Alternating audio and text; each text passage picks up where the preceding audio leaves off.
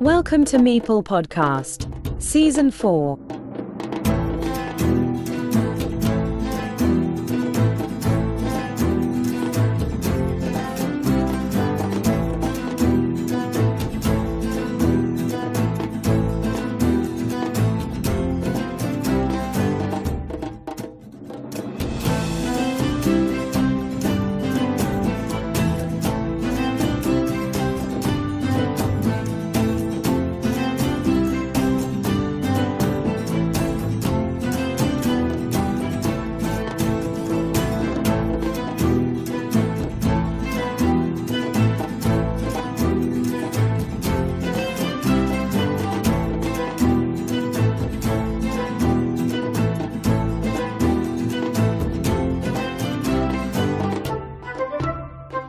Welcome to Meeple Podcast. We bring back an interview with a Herne 2023 player.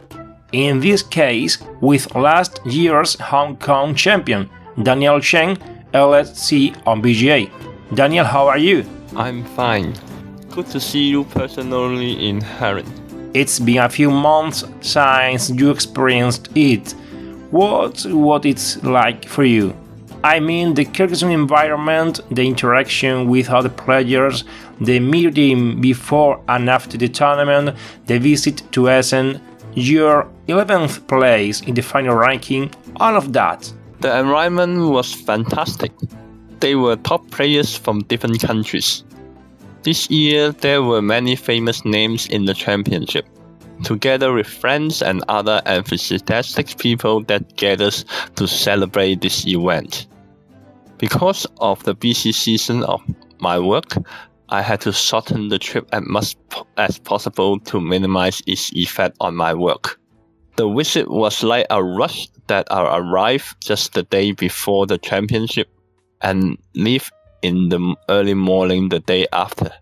Yet I managed to have a dinner with a few when I arrived. However, I can't stay behind to the pub gathering after the event ends.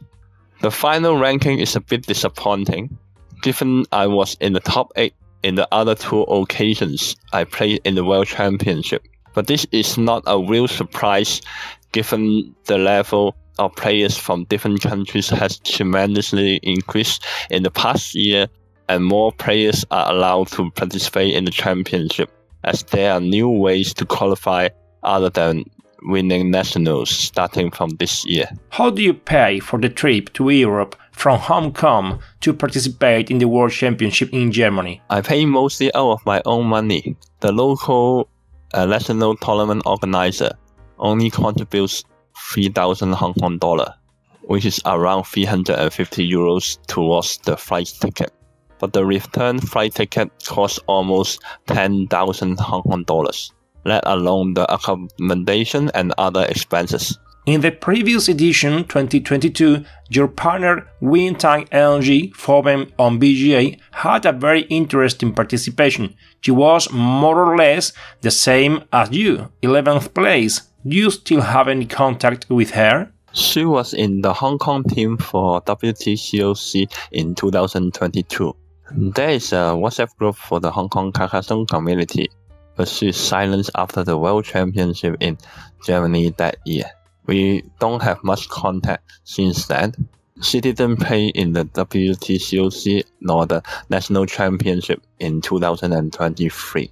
You are also the captain of the Hong Kong national team. How did you choose the players for your team? Originally, I didn't choose players for the team. We simply don't have enough players. I must look for players in BGA and national championship to join our team. In 2023, there was a time when I had to ask the organizer to consider lifting the 8 players minimum requirement, and there seems to be low hope to join the WTCOC when they refuse to do so. However, Terry Ellie from USA made a ranking list of players in BGA who has elo greater than 300 from it, I found a few players from Hong Kong, and this is the first time since we joined WTCOC in 2021 that we have more players than the maximum of 10 allowed in a team. So I created a BGA tournament for these newly found players to choose the best ones and fill the remaining space of our team. In the WTCOC, you finished 27th out of 32 teams. Do you see HongKong as a weak team to compete, or is there a big difference level among the players? As previously said, we have a difficult time in forming a team. Many players are not interested in joining. After all, there are many board games available, and people don't necessarily want to dedicate a lot of time in a single game. Furthermore, the level of play by other teams is high, and some find it not enjoying keep being defeated. As any players who are willing to spend required time to play can enter the team, there is indeed a big, big difference in levels among players. A number of team members from previous year has left, saying that they have already had their opportunity to represent Hong Kong. Despite the difficulties, our team made progress over years. We lost every single match in 2021. In 2022, we made our first victory in WTCOC in the very last match. In the 2023 edition, we win twice. Unlike previous year where the victory only comes at the time when both teams are already out of the tournament and the result didn't matter anymore. Both wins happened in early stage and qualifying to the playoff become possible at that time. You only beat Italy and Malaysia. The rest were heavy defeats. Are you going to prepare for the next edition with more effort, or are you one of those who think that the important thing is to participate? I decided to step down from being the captain of the Hong Kong team after three years of leading it. I must cope with the busy work life in Hong Kong and pass the leading role to Helik, whom I believe can bring the team to the next level. He's energetic and bring in some of his own idea on top of the foundation that I've laid down. At the same time, we recruit many more new players joining the community and after the national championship. With a much larger base of players to choose from, we can select higher standard players into our team. Under the condition of real competition, a majority of the player base train themselves with a target to enter the team. I'm looking forward to a better Hong Kong team in the next edition. Nice community that had been created around the world of Carcassonne, don't you think? I think so. Many of the online tournaments in BGA has increased in the number of players. Different countries also form their communities with the tournaments, gatherings. Some of them share the news online and some of them even have their own accessories. If you could contribute something to the Carcassonne War, what would it be? I have done what I think I can contribute up to this moment, starting from creating King of Carcassonne tournament series every year since Carcassonne incepted in BGA.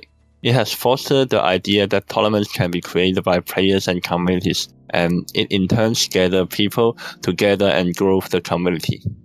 Recently, the Carcassonne Champions League, organized by Carcassonne Ukraine, started their inaugural edition, which I'm glad to see. In fact, in 2021, a tournament of the same name has been created by Semanas TV. In 2022, I suggest to him to invite every country to have their own online championship and make his tournament between the winners. This is pretty much like the idea now by Carcassonne Ukraine. At that time, Semanas TV not sure that every country will set up a championship, and it didn't happen. I didn't talk to Carcassonne Ukraine, but I'm very glad now to see that they have the same idea and make it into reality. Other than tournament creation, I have made contribution in different aspects as well. To mention a few, I'm the founder of the Hong Kong team that joins the WTCOC. It's formed a new community to the Carcassonne world. On the other hand, I research on first player advantage in Carcassonne and make a report to Carcassonne.cat using the games in the first ECOC as the data. I also created a spreadsheet that estimates winning probabilities of teams playing in WTCOC format using the elo of the players in both teams. This has been adopted by Alexei, which he used in his live streams. Tell us something we don't know about you, about your team, about Hong Kong, or just something you would like to add to this interview? Hong Kong gamers have been forced to withdraw from a tournament because the team name Hong Kong is used instead of Hong Kong China is displayed on the screen.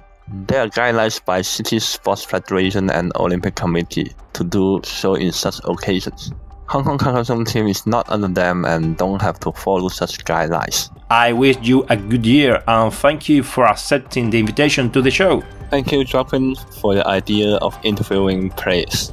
Thank you, Daniel. To all the listener, also thank you for being there. I'll see you in the next episode. Bye bye.